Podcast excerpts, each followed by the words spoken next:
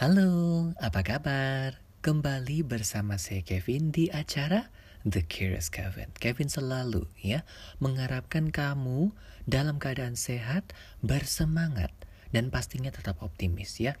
Kevin gak berhenti untuk selalu mengajak kamu untuk optimis, tetap semangat karena apa? Kalau kamu bisa menyemangati dirimu sendiri, kalau kamu punya semangat yang lebih, percayalah bahwa kamu bisa meraih hal-hal yang baik. Oke? Okay? Untuk podcast kali ini di episode ke-54 judulnya adalah bagaimana atau gimana cara berdamai dengan keadaan. Sekali lagi, judulnya adalah gimana cara berdamai dengan keadaan. Sebuah pertanyaan yang sebenarnya cukup simple, tapi jawabannya cukup dalam. Penasaran? Dengerin sekarang ya. Podcast ini kan dibuat di awal 2021, ya. Ternyata kita, atau mungkin bukan ternyata, sebenarnya kita masih berhadapan dengan waktu yang cukup menantang.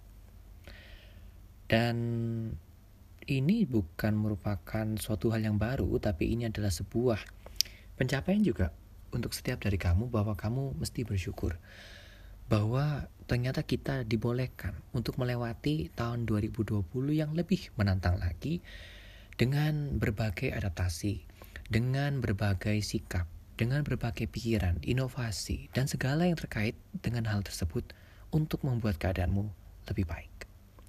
Tapi, kemudian timbul pertanyaan bahwa, atau mungkin timbul pikiran, kenapa ya keadaan saya kayak gini?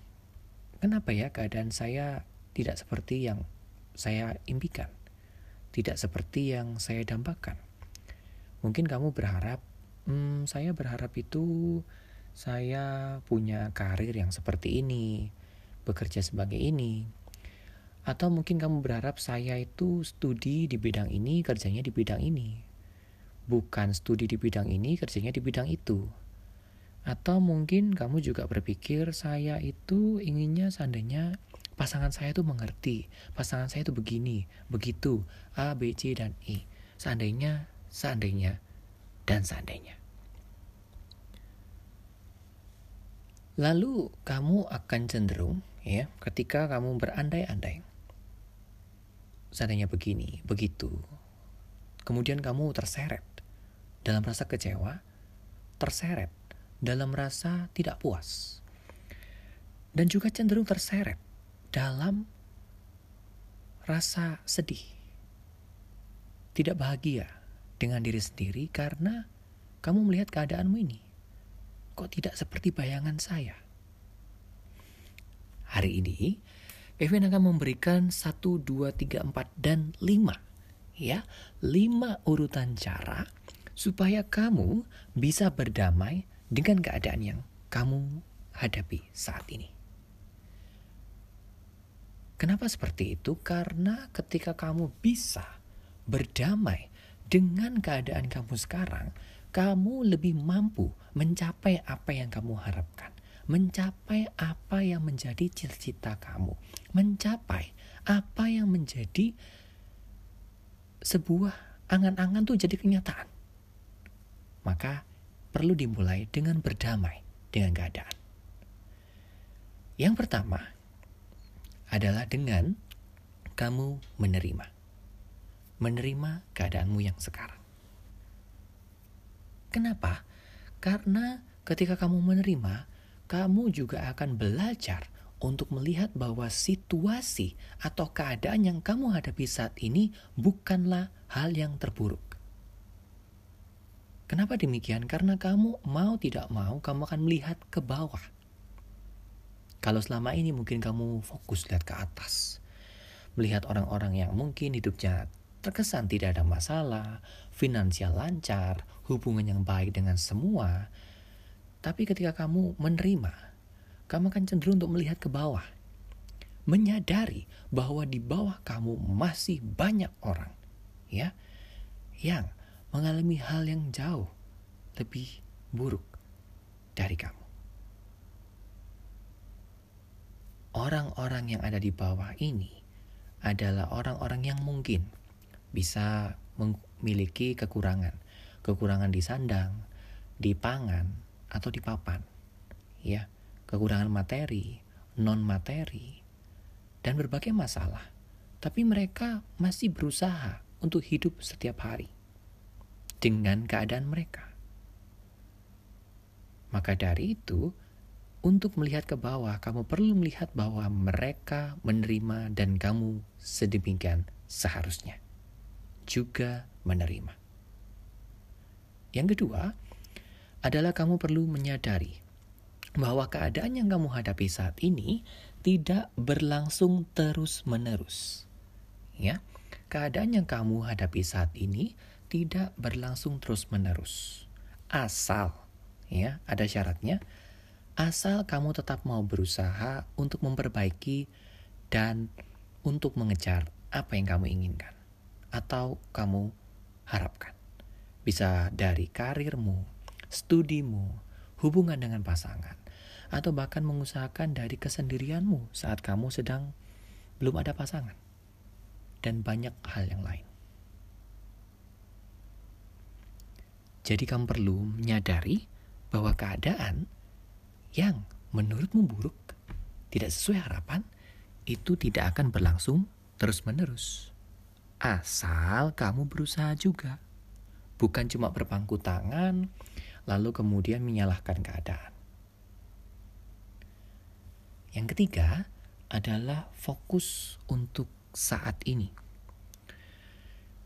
Kalau kamu tidak fokus untuk saat ini dan kamu cenderung hidup dalam angan-angan, kamu pingin ini, andai saya begini, andai saya begitu, maka fokusmu malah cenderung akan ada di sana.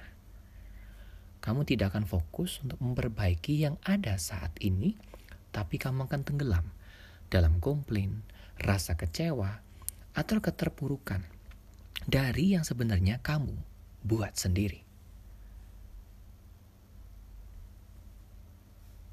Misalnya kamu ingin seseorang itu jadi pasanganmu. Kamu ngomong dalam hatimu, oh andai dia jadi pasanganku, andai dia jadi eh, samuanku. Tapi kamu gak berbuat apa-apa. Kamu coba andai, andai, andai. Dan kemudian ketika kamu sudah mencoba, ternyata gak bersambut, kamu hidup terus dalam andai pengandai-andaianmu. Andai dia begini, andai dia begitu, dan maka kamu akan cenderung merasa kecewa. Dan tentunya ini nggak baik buat kamu karena kamu cenderung akan tidak berbuat apa-apa atau malah tenggelam dalam masa kecewa karena merasa tertolak terus. Akhirnya nggak ke mana-mana. Maka ini kurang baik untuk kamu bisa menerima keadaan. Yang keempat, adalah tetap semangat. Ya. Kenapa begitu? Karena percayalah bahwa semua yang saat ini kamu jalani ini akan membawa kamu mengarah pada hal yang lebih baik. Dengan catatan, ya, ada catatannya. Seperti episode minggu lalu bahwa keputusan-keputusan yang kamu buat itu harus keputusan yang tepat. Jadi ketika keputusan-keputusan tepat kamu buat, maka ditambah dengan semangat dan kepercayaan, maka jalan yang kamu sedang lewati saat ini akan membawamu ke arah yang lebih baik.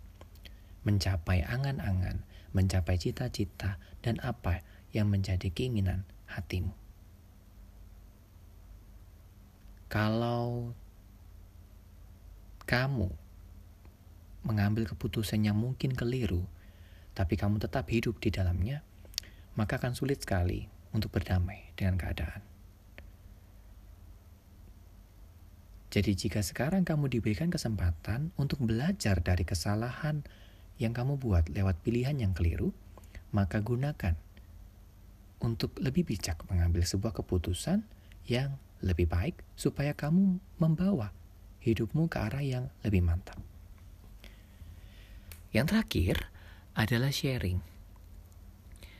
Tidak memendam masalahmu sendiri.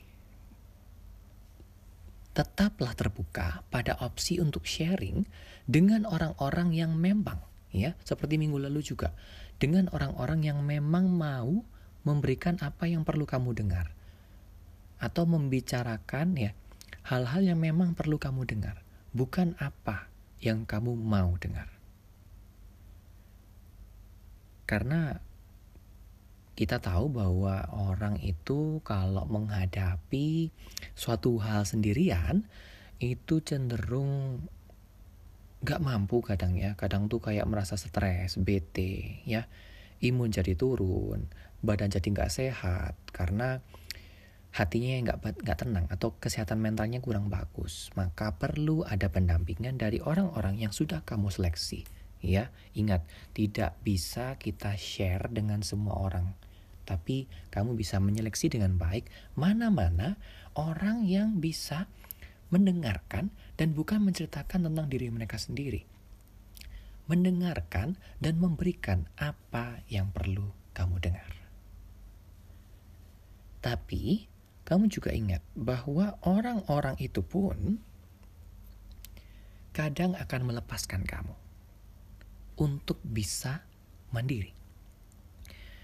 Kenapa demikian? Karena kalau kamu terus, ya misalnya kamu terus bergantung sama satu orang untuk semua nasihat, untuk semua keputusan hidupmu, untuk semua jalan yang akan kamu ambil, ketika orang ini tidak available atau tidak tersedia, misalnya nih, kamu curhat dengan teman kerjamu, kemudian sudah kebiasaan gitu ya, lalu teman kerjamu ini sibuk, entah misalnya teman kerjamu itu pindah dinas keluar kota, misalnya temanmu itu pindah divisi, atau misalnya temanmu itu sudah berkeluarga, atau sudah punya pasangan, atau temanmu itu um, sedang sibuk kerja proyeknya sendiri, misal seperti itu, dan kamu terbiasa bersama dia. Ketika dia sedang tidak tersedia atau karena sibuk seperti itu, kamu akan cenderung untuk tidak mandiri akhirnya, dan kebanyakan akan mengambil keputusan yang keliru. Maka dari itu, orang-orang yang memang memberikan apa yang perlu kamu dengar, terkadang akan melepaskan kamu di satu fase, di mana fase itu adalah Tujuannya adalah supaya kamu lebih mandiri. Ya, lebih mandiri, bisa mengambil keputusan secara pribadi, karena sudah dibekali sebelumnya dengan hal-hal yang perlu kamu dengar untuk bagaimana kamu bisa berdamai dengan keadaanmu. Dan juga akan memampukan kamu untuk menghadapi realita yang ada. Jadi ingat ya, sharing ini akan membantu kamu untuk lebih rileks, untuk lebih menggunakan nalar secara objektif. Tapi tetap pada akhirnya kamu tidak bisa terus-menerus bergantung pada orang-orang ini. Karena berbagai alasan. Mungkin karena kesibukan, mungkin karena juga berbagai keperluan yang membuat mereka mungkin gak sempat. Atau mungkin akhirnya mereka merasa tidak ada perubahan yang membuat kamu jadi lebih baik. Atau mungkin kamu abai. Akan sulit sekali untuk orang-orang ini bisa membantu kamu. Maka ketika kamu sudah dilepas untuk mengambil keputusan secara mandiri, setelah kamu dibekali dengan berbagai hal yang perlu kamu dengar, harapannya adalah kamu bisa berdamai dengan keadaan apa pun yang kamu hadapi saat ini baik dalam studi maupun pekerjaan, hubungan dengan pasangan, keluarga, dan bahkan apa pun yang menjadi cita-cita atau pencapaianmu yang kamu harapkan. Seperti itu. Oke, semoga lima urutan cara ini bisa membantu kamu untuk berdamai dengan keadaan yang sekarang kamu hadapi. Tidak perlu bersedih. Kalau memang kamu marah, kecewa, sedih, silakan. Itu adalah bentuk ekspresi emosi. Tapi tidak untuk waktu yang lama supaya kamu bisa maju mengarah kepada hal-hal yang membawa kamu menjadi orang yang lebih baik dan akhirnya dimampukan untuk mencapai apa yang menjadi harapan pengandaian dengan usaha nyata, dengan keputusan yang tepat, dan didukung oleh orang-orang yang memberikan apa yang perlu kamu dengar untuk kamu yang lebih baik. Tetap semangat dan tetap percaya kepada diri sendiri. Good luck.